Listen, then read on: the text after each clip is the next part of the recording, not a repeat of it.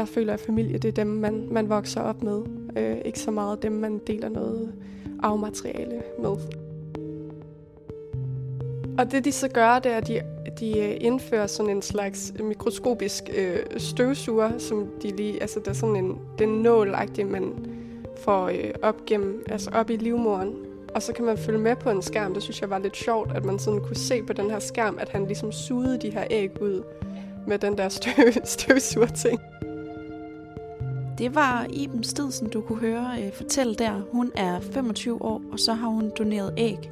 Ibens æg-eventyr, ja, det skal vi høre meget mere om lige om lidt. Men inden da vil jeg gerne have lov at byde rigtig hjertelig velkommen til.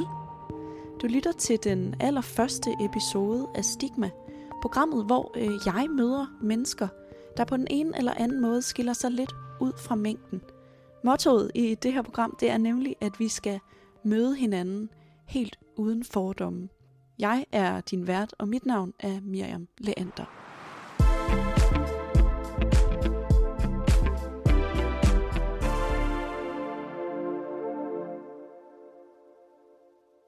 Så har jeg efterhånden fået uh, sat mig til rette her i sofaen hos dig, Iben. Velkommen. tak. Du har sagt ja til at, at snakke lidt med mig i dag, fordi du er ægdonor. Ja. Hvordan kom du på ideen om at, at blive ægdonor? Altså, jeg, har, øh, jeg så på et tidspunkt for mange år siden sådan en udsendelse i TV-avisen eller et eller andet øh, omkring at være ægdonor, og så tænkte jeg, det vil jeg da gerne prøve. Og så satte jeg mig sådan lidt ind i det og fandt ud af, at man skulle stikke sig med nogle nåle og sådan noget, og det turde jeg ikke, så så droppede jeg det igen. Mm. Men så, øh, da jeg begyndte på uni, så var jeg til studiemesse, hvor at jeg, øh, jeg hørte lidt om det igen, og så begyndte jeg at tænke over, om det så var nu, jeg skulle gøre det. Jeg, jeg sådan bad om, at de fortalte mig lidt om, hvordan det fungerede, og det gjorde de så, og så fik jeg et, øh, et nummer, jeg kunne ringe til, eller en mail, jeg kunne skrive til, eller et eller andet. Øh, jeg tror også, jeg udfyldte en formular, mm. og så... Øh, jo, jeg udfyldte en formular, og så blev jeg kontaktet af dem over mail. Øh, hvad var næste skridt så? Øhm, jamen det var, at, at jeg kom ind til en samtale, hvor at de sådan, ja, der, der var ligesom et spørgeskema, man skulle udfylde med ret mange spørgsmål, blandt andet øh, noget om mig, sådan som person, og så også om min familie. Mm. Altså det, det er mest sådan, om jeg har nogle arvelige sygdomme, øh, eller noget, om jeg har nogle psykiske mm. øh, lidelser, og sådan, så er der også alt det basale med øjenfarve, hårfarve. Ja, for det skal man også oplyse, eller hvad? Ja, ja. præcis. Øhm, og det er så, at, at man kan altså, finde den bedst mulige øh, modtager. Øh, man skal jo helst ligne kvinden lidt, så det er, at, at hvis, hvis hun har brune øjne, så får barnet også brune øjne, eller sådan. Altså, mm. Øhm, Eller det, det går vi ud fra, det det folk ønsker, når de skal ja, vælge? Jeg tror, jeg tror ikke så meget, at de har et valg egentlig. Nå, okay. øh, nu er jeg ikke 100% sikker, men sådan som jeg forstod det, det var, at, at det hele ligesom går i den, igennem den her klinik. Mm. Og så siger de til parret, nu har vi fundet en donor, der matcher jeres ah, profil. på den måde. Ja. Mm. Er du så anonym derinde? Altså, de får bare at vide, at du er en donor. Ja, altså man kan selv vælge, når det er, at man donerer æg, så kan man vælge, om man vil være en øh, anonym donor eller en åben donor. Mm. Man kan også være kendt donor, hvis, hvis du ved, hvem du vil donere æggene ah, til. Ja, okay. Øhm, men altså, det må man helt selv vælge, om man vil være anonym eller åben, og der er øh, lige stort behov for begge dele, fik jeg at vide. Mm. Øh, jeg har så valgt at være åben donor, øh, fordi at jeg synes, hvis et fremtidigt barn øh, har, altså et behov for at finde ud af, sådan, hvem har egentlig sådan min, hvem har jeg mine biologiske gener fra, mm. så vil jeg ikke sådan stoppe dem i at, at opsøge mig, hvis det var det. Men det er så først, når de bliver øh, 18 år, at de kan indhente, de, ja, indhente mm. de oplysninger. Ja. Men det er vildt nok at tænke sådan, 18 år, hvis nu den øh, donation, du lavede i sommer, øh, den er gået igennem, så sådan 18 år ude i fremtiden, så kan det være, du bliver opsøgt af et barn. Ja, ja. et, et barn, der, eller sådan, det er jo ikke dit barn, men, men et barn, der bærer dine gener. Ja. Det, Jamen, det er jo en vild beslutning at sidde og skulle tage, om man vil være åben donor, eller, ja. eller man vil være anonym. Altså, jeg tror sådan, de der ting, det er ikke sådan noget, der, der betyder vildt meget for mig, hvis, altså, hvis det giver mening, fordi jeg har sådan nogle, jeg har en lidt underlig familie, eller jeg har en bror, jeg ikke kender. Øhm, og det, det har bare aldrig sådan fyldt rigtig noget for mig, fordi jeg føler, at familie, det er dem, man, man vokser op med. Øh, ikke så meget dem, man deler noget arvemateriale med. så, så du tror, at den definition af familie, du har med i bagagen, den har bidraget til, at du har ja. at, at du tænker på det på den måde, du gør, der har fået dig til at, at melde dig til det her og hjælpe andre mennesker på den måde? Ja, helt klart. Det her, altså, jeg, jeg tror i hvert fald, det er derfor, at jeg bare tænker, selvfølgelig skal jeg være åben donor. Kan du huske, hvilken situation, at du sådan endeligt sagde ja tak til at blive ægdonor? Var det efterfølgende, da du havde været til samtalen, eller... Ja, det var, øh, da jeg sad ind til samtalen, og vi havde gået igennem de her ting, så, så spurgte han mig, er det noget, som du kunne have lyst til? Og så sagde jeg, ja, det er det. Okay, øh, så der tog du beslutningen? Ja, præcis. Hmm. Hvilke nogle overvejelser havde du gjort dig op til, at du tog den endelige beslutning? Altså, jeg, øh, jeg stod i den situation på det tidspunkt, hvor jeg tænkte at gå i gang med det her, at jeg lige var gået fra min kæreste. Mm. Øhm, og så havde jeg alle de her tanker med, oh jeg er øh, 25, og øh, kan jeg nå at finde en ny kæreste og stadigvæk øh, blive forældre engang, hvilket jeg, jeg ved, jeg gerne vil på et tidspunkt. Mm. Så, så jeg havde sådan ligesom den her krise med, sådan, hvad nu hvis jeg ikke når det? Øh, og så tænkte jeg, hvis det nu er, at jeg øh, for eksempel donerer æg, som jeg havde tænkt på i længere tid, så når, hvis jeg engang selv fik brug for det, så, altså, så vil jeg have sådan, på en eller anden måde, jeg vil have det lidt bedre med det, sådan jeg har også givet til andre, og nu kan jeg også mm. få noget selv, hvis det giver mening. Ja. ja. Havde det noget også, øhm, havde det indvirkning på din beslutning, at du lige var gået fra øh, en kæreste? At du nu kun var dig selv, øh, og sådan stå til regnskab for, eller hvad man kan sige, når man tager sådan en beslutning? Altså ikke så meget sådan på den måde, men sådan rent lavpraktisk det her med, at når, det er, når det er, jeg donerer æg, så bliver jeg nødt til at stoppe på mine øh, minipiller. Mm. Øh, og det var bare lidt lettere, når man ikke havde en kæreste. Ja, det er det selvfølgelig. det giver god mening. ja, ja, så altså, jeg ved ikke, altså nu, min, min eks vil ikke have haft noget imod det overhovedet, fordi Nej. det er sådan, altså, det, det er mit valg jo, ja. hvad, hvad jeg gerne vil gøre med min krop og sådan, men ja, jeg tror på en eller anden måde, det sådan ligesom sat mig i gang, at sådan, nu, nu har jeg muligheden for det, sådan, uden at det skal til at blive besværligt. mm. Hvilke nogle øh, sådan test øh, gik du så igennem, efter du havde takket ja? Altså, der var øh, ikke som sådan test, enten at de tog en gynækologisk undersøgelse, og der mm. tænker jeg, så har de nok tjekket for, altså, om man er fertil overhovedet, øh, og øh, eventuelt kønssygdom, kønssygdom ja, ja, præcis. Øhm, så, så det var sådan ligesom den eneste, sådan, altså det eneste tjek, der, der mm. blev lavet, ud over så det her spørgeskema, hvor der de spørger at, med, med aflige sygdomme, mm. og for eksempel, jeg kunne ikke huske, øh, alle mine bedsteforældre har haft kræft, øh, ja. og tre af dem er døde af det. Og øh, jeg kunne ikke huske, hvad det var for en slags kraft, så, så der blev jeg nødt til lige at sådan... Få undersøgt. Ja, få undersøgt, få ja. spurgt min mor og min mormor og sådan noget. For, mm. ja. øhm, men ja, ellers så er der ikke sådan noget, de sådan... Nej, men tjekker. de testede, hvor fertil du, du er. Ja, og jeg har faktisk ikke hørt noget omkring, sådan, hvad resultatet af den test, men jeg kunne jo godt være ægdonor, så jeg tænker, at det så fint ud. De sagde okay. også sådan, at altså, endnu en af de grunde til, at altså, noget man selv får ud af at være ægdonor, det er det der med, at man, man får testet sin fertilitet, og hvis det er, at man ikke er så fertil, som man måske burde være, mm. øh, så vil man blive fortalt det. Ja. Øh, og få at vide, at hvis du tænker på at få børn, så kan det godt være, at du skal til at gå i gang. Øh, Mm. Ja, og det, det har jeg ikke fået at vide, så det må Nej. være positivt. Ja, det er godt, du ikke har fået det at vide. ja. Også i forhold til, at du havde de der overvejelser omkring at være fyldt 25. Og... Ja, og det, altså, det er jo ingen alder, det er ikke, fordi jeg siger, at 25 er gammel, men jeg var alligevel sådan, der går mange år før, eller måske går der mange år før, jeg får en kæreste igen, og det, altså, det går jo kun ned ad bakke herfra, trods alt.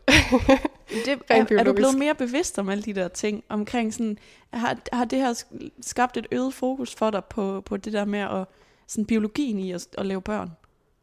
Sådan dit æggeur, som man siger nogle gange. øhm, jeg tror måske, det har sådan gjort, at, at jeg ikke stresser så meget med det længere. Også fordi, at, at det ligesom er en mulighed mm. at, at, altså, at få, hjælp. doneret, ja, få hjælp på den måde, få mm. doneret æg af andre. Så jeg tror, jeg er blevet lidt mere rolig omkring, at, at det behøver altså ikke være lige nu. Hvor jeg sådan tidligere har tænkt, at jeg skal bare i gang i mine 20'ere, men øh, Ja. Det er ligesom om, du ved, jo ældre man bliver, jo længere bliver den skudt, skudt ud i fremtiden. Det kender jeg i hvert fald godt, den tanke.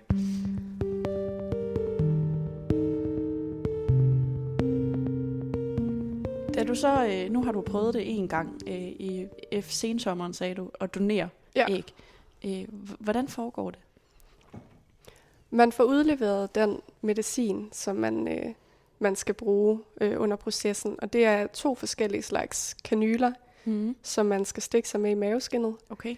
Øhm, Det er nok her, man bliver lidt skræmt, når man Ja. lytter. Ja, og det, det skræmte også mig, inden at jeg sådan selv kom i gang med det faktisk, fordi Ja. det lyder bare mere voldsomt, det der. Det, mm. altså, det er sådan nogle små nåle, og Okay. meget tynde, altså man mærker ikke rigtigt, at man, man stikker sig selv. Jeg, for mig var det mere tanken om, at jeg skal stikke mig selv. Ja.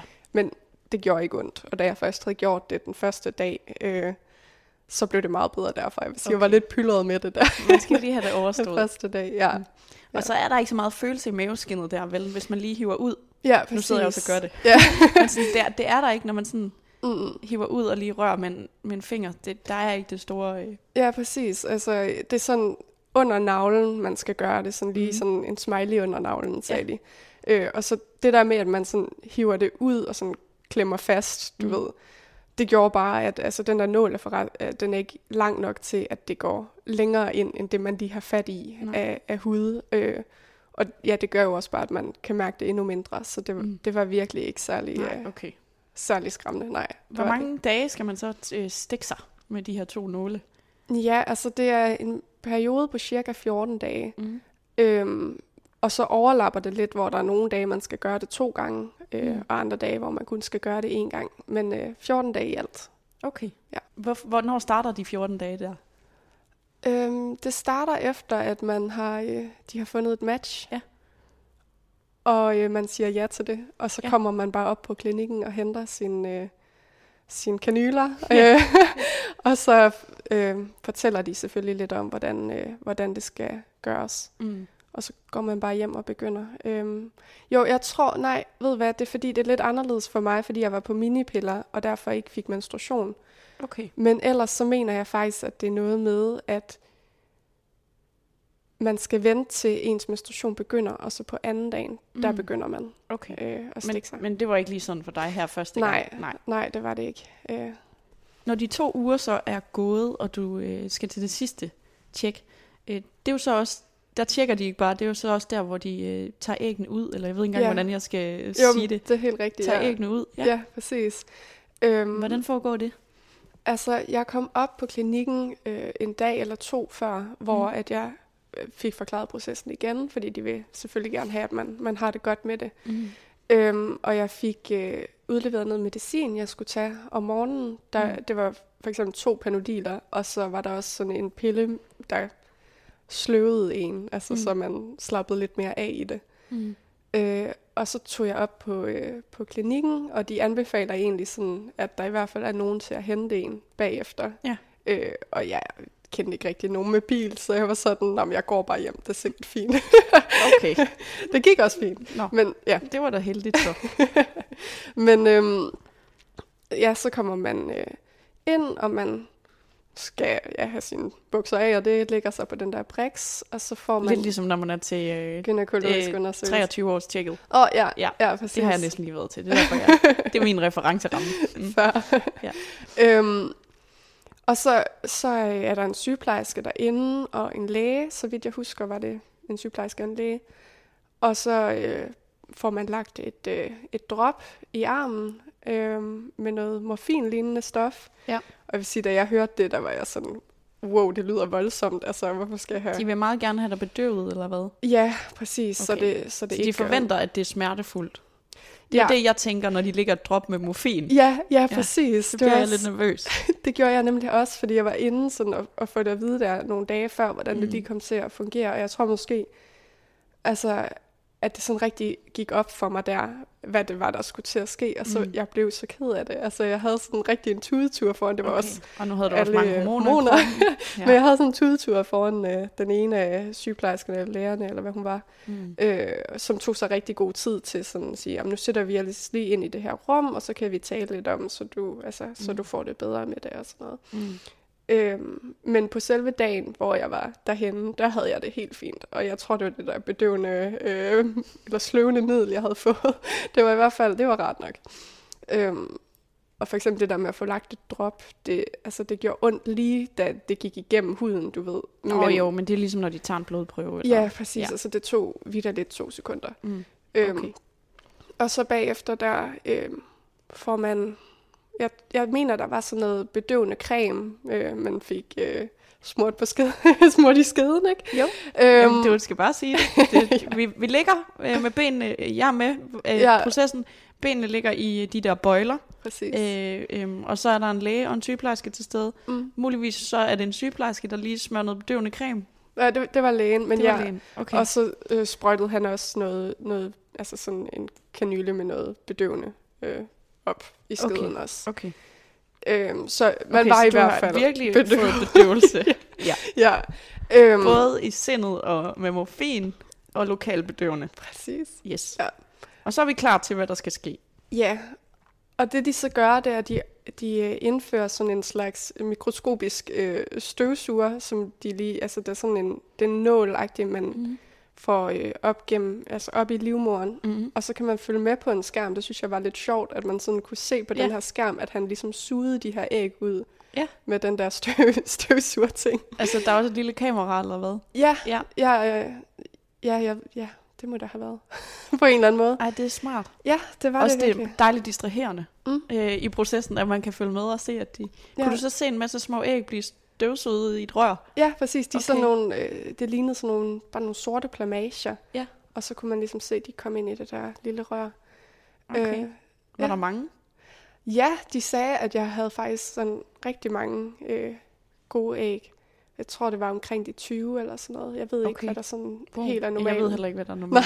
Nej, Nej. altså normalt producerer man vel bare et, tænker jeg, og så på grund af de her hormoner, så... Ja, nu skal Ja. jeg ikke gøre mig klog på noget, jeg Nej. ikke ved så meget Nej, om. jeg ved det heller ikke. Men der blev suget en masse gode æg ud. Ja. Ja. Øhm, og jeg, altså, jeg vil virkelig gerne bare understrege, at der var ikke noget i den her proces, der gjorde ondt. Synes jeg ikke. Nej. Personligt. Nej. Øhm, bagefter, at vi havde, øh, ja, jeg havde fået taget æggene ud, så øh, kommer jeg ind på sådan en stue, hvor jeg lige skal ligge en halv time til en time, Mm.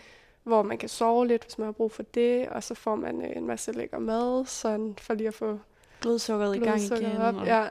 Øhm, og der kom nemlig en anden pige ind og, og lå på den stue sammen med mig. Og, øh, og hun, øh, hun havde ondt. Okay, hun havde lige været igennem samme proces. Ja, præcis. Øh, hun havde en veninde med, og de snakkede om, at, at det var, altså, det gjorde rigtig ondt på hende, synes hun.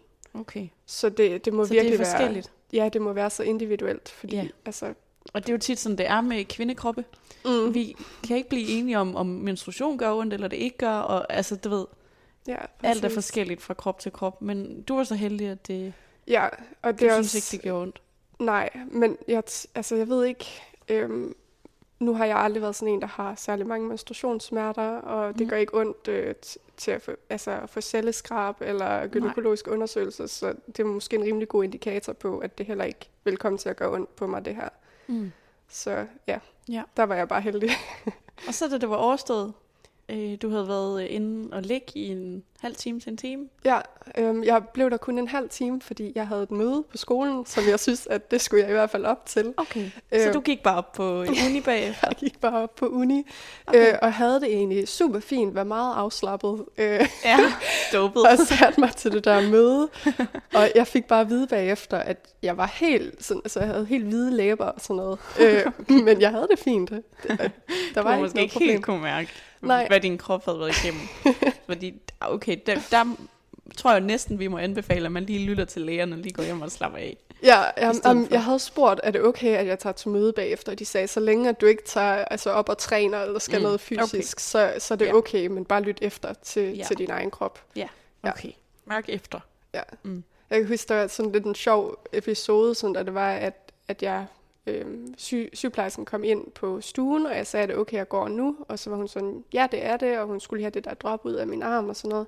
Og så, så hæv hun... Øh, øh, hævde hun det der tape af for at få det ud, som hang fast i alle mine øh, hår på armen, og så sagde jeg sådan, det er simpelthen det, der har gjort mest ondt indtil videre, det er for det der stykke tape af. Altså, okay.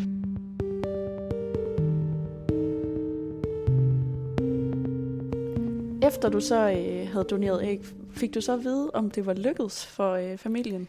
Nej, det gjorde jeg ikke, desværre. Jeg spurgte faktisk, er det, er det noget, sådan jeg lige får sådan heads up på? Uh... Du var ramt sådan en lille sms. Ja, ja, præcis. Bingo.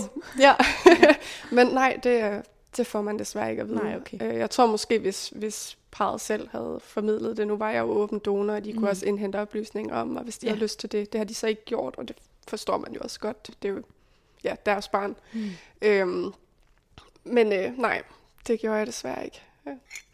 Men altså, jeg krydser helt klart fingre for, at det er, det er lykkedes for ja, dem, fordi at jeg gik da ikke igennem det her for ingenting, nej, trods alt. Nej, nej, nej. Det må man da virkelig håbe. ja.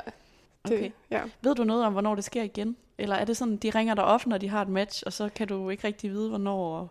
Jamen, de, de spurgte mig faktisk sådan, om det var noget, jeg gerne ville igen. Og så sagde jeg ja, men egentlig ikke, mens jeg er studerende, fordi at i hvert fald den periode, jeg gjorde det i, nu skete der også en masse andre ting, men, mm. men det var lidt presset i forhold til studie, fordi jeg skulle møde op på den her klinik sådan for eksempel tre gange, og jeg havde en del, jeg også skulle gøre okay. på mit studie. Så, så jeg synes faktisk, at, at det var et dårligt tidspunkt at gøre det på for mig. Og så, altså, jeg var jo også midt i et break-up, midt i at flytte fra min øh, kæreste bagud med nogle afleveringer. Altså sådan, mm.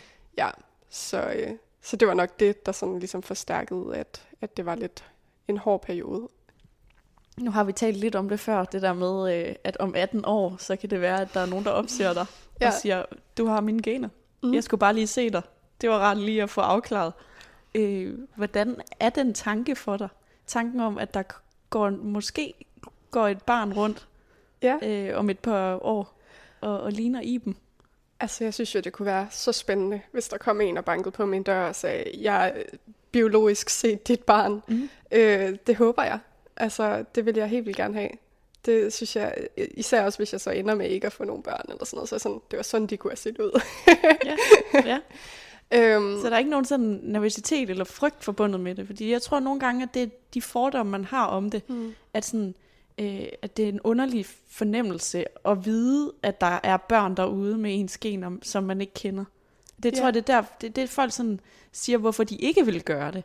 Ja, og jeg, jeg Men det fylder ikke på samme måde hos dig? Overhovedet ikke. Altså, der går jo for eksempel også en, en bror rundt et eller andet sted, og vi deler jo også nogle gener, og jeg aner ikke, hvem han er. Mm. Altså sådan, så, så nej, og, altså, det, det fylder virkelig ikke noget. Tværtimod, så tænker jeg sådan lidt, sikkert et heldigt lille barn, at de har fået mine øjne. Fantastisk. Ja. ja. Det er da også sådan, du skal have det. Når man sådan øh, donerer sin æg, eller for eksempel hvis man også øh, donerer sit sæd, så donerer man jo også sine gener, mm. sin biologi. Og der er jo nok alligevel en del mennesker, der afholder sig fra at gøre det, fordi de på en eller anden måde ikke kan lide tanken om, øh, at ikke at vide, at der er et barn. Eller muligvis, at partneren har et barn, som de ikke ved noget om. Tror du også, der er noget i forhold til det her med sådan, øh, at danne par, og så dele de gener, man har valgt at sådan, lave børn med? Er der noget i det for dig? Nej, altså jeg synes, når det ikke er...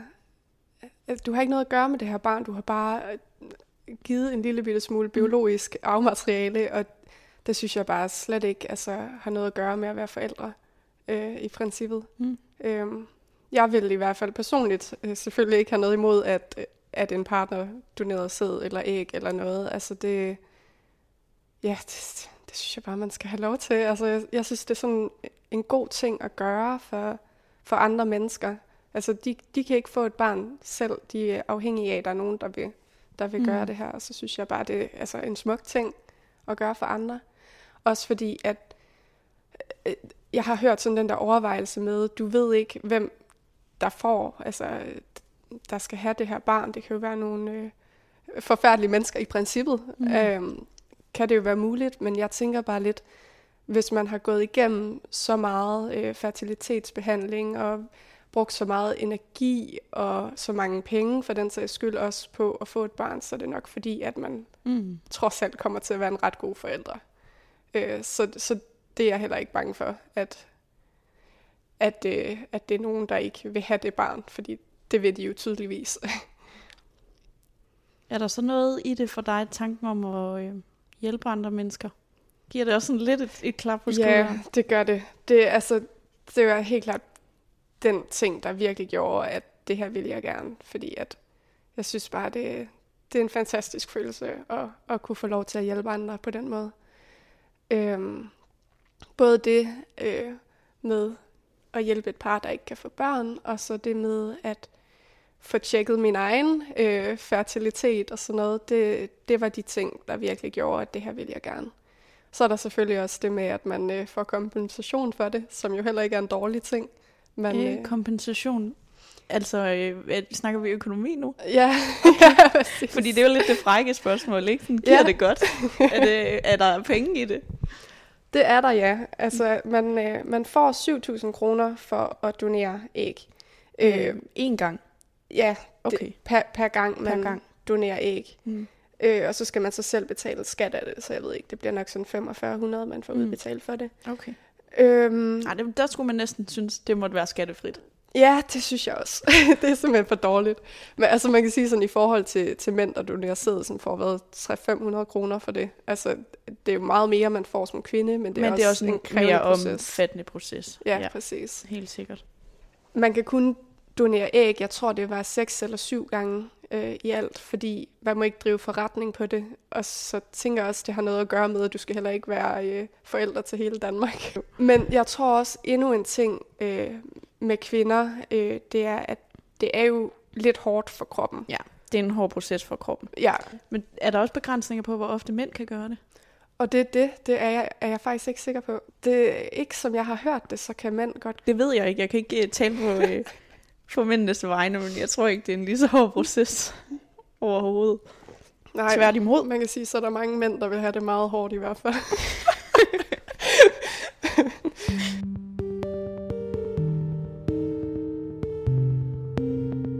Hvis du skulle øh, fortælle en eventuel kæreste i fremtiden, at du har doneret æg, hvordan ville du så bære dig ad med det? Altså, jeg tror måske, det er sådan et eller andet, som jeg personligt bare vil sige lidt henkastet. Når ja. jeg så har for resten også lige prøvet det her. Ja. Fordi på den måde, jeg er, så er det ikke noget, der er en stor ting overhovedet. Mm. Og jeg tror, at... Det viser også din holdning til det. Ja, præcis. Altså, jeg tror, hvis, hvis nogen havde noget imod det, så ville det ikke være en person, jeg var sammen med, fordi vi Nej. ikke deler de samme værdier. Mm. Øhm, så, så for mig vil det ikke være sådan, altså jeg tror endda, jeg vil glemme at sige det, for altså sådan lang tid inde mm. i et mm. forhold eller sådan noget, så vil jeg sige, nå ja, gud, jeg har forresten også doneret æg på et tidspunkt, eller sådan et eller andet. Yeah. Det, ja, det fylder virkelig ikke særlig meget for mig. Og så er det forhåbentlig bare øh, reaktionen, at ja, sådan... er en vidunderlig stor ting at gøre. Ja, ja præcis, yeah. og nysgerrighed eller et eller andet. Mm. Altså, jeg, jeg kunne virkelig, ja, jeg synes, det ville være så underligt, hvis der var nogen, der, der sagde, det har jeg det ikke godt med. Det, men, øh, er der, har du mødt de reaktioner, sådan, når du har fortalt det sådan blandt øh, venner? Familie måske? Altså, der er i hvert fald mange af mine veninder, som, som jeg har talt med om det, der, der har reageret med, det kunne jeg ikke. Altså, det kunne jeg ikke gøre. Øhm, sådan en hurtig reaktion, det kunne jeg ikke gøre. Øh, måske ikke som det første, men altså, de, de fleste har været rigtig interesserede i det og spurgt mm. ind til sådan, ej, hvor spændende og vildt nok, for det kunne jeg ikke. Altså, mm fordi for dem, der betyder det måske lidt mere, at der render nogle børn rundt med ens øh, DNA, som man ikke selv har, ja. har skabt på den måde. Måske hvis familie det er en ret stor ting for en. Øh, mm. at, at man måske bare ser på det som, som noget større, end jeg egentlig synes, det er. Mm. At, øh, jeg, jeg mener jo, at hvis man er mor til nogen, så er det, hvis det er, at du har gået med et barn i maven i ni måneder, og født det, og opdraget det, og altså eller adopteret det. Ja, men, men ja ikke nødvendigvis har, have det i maven har valgt faktisk ja. at være mor til det, ikke? Ja, præcis. Ja. Øhm, øh, og så, ja, så er det netop ligegyldigt, om, om det er dit biologiske barn, eller et, du har adopteret. Eller, altså, så længe du bare holder af, holder af dit barn og elsker det og giver det kærlighed. Altså, mm. det er det eneste, jeg synes, der betyder noget. Iben, tusind tak, fordi du havde lyst til at øh, fortælle mig om, at du er ægdonor. Det var så lidt.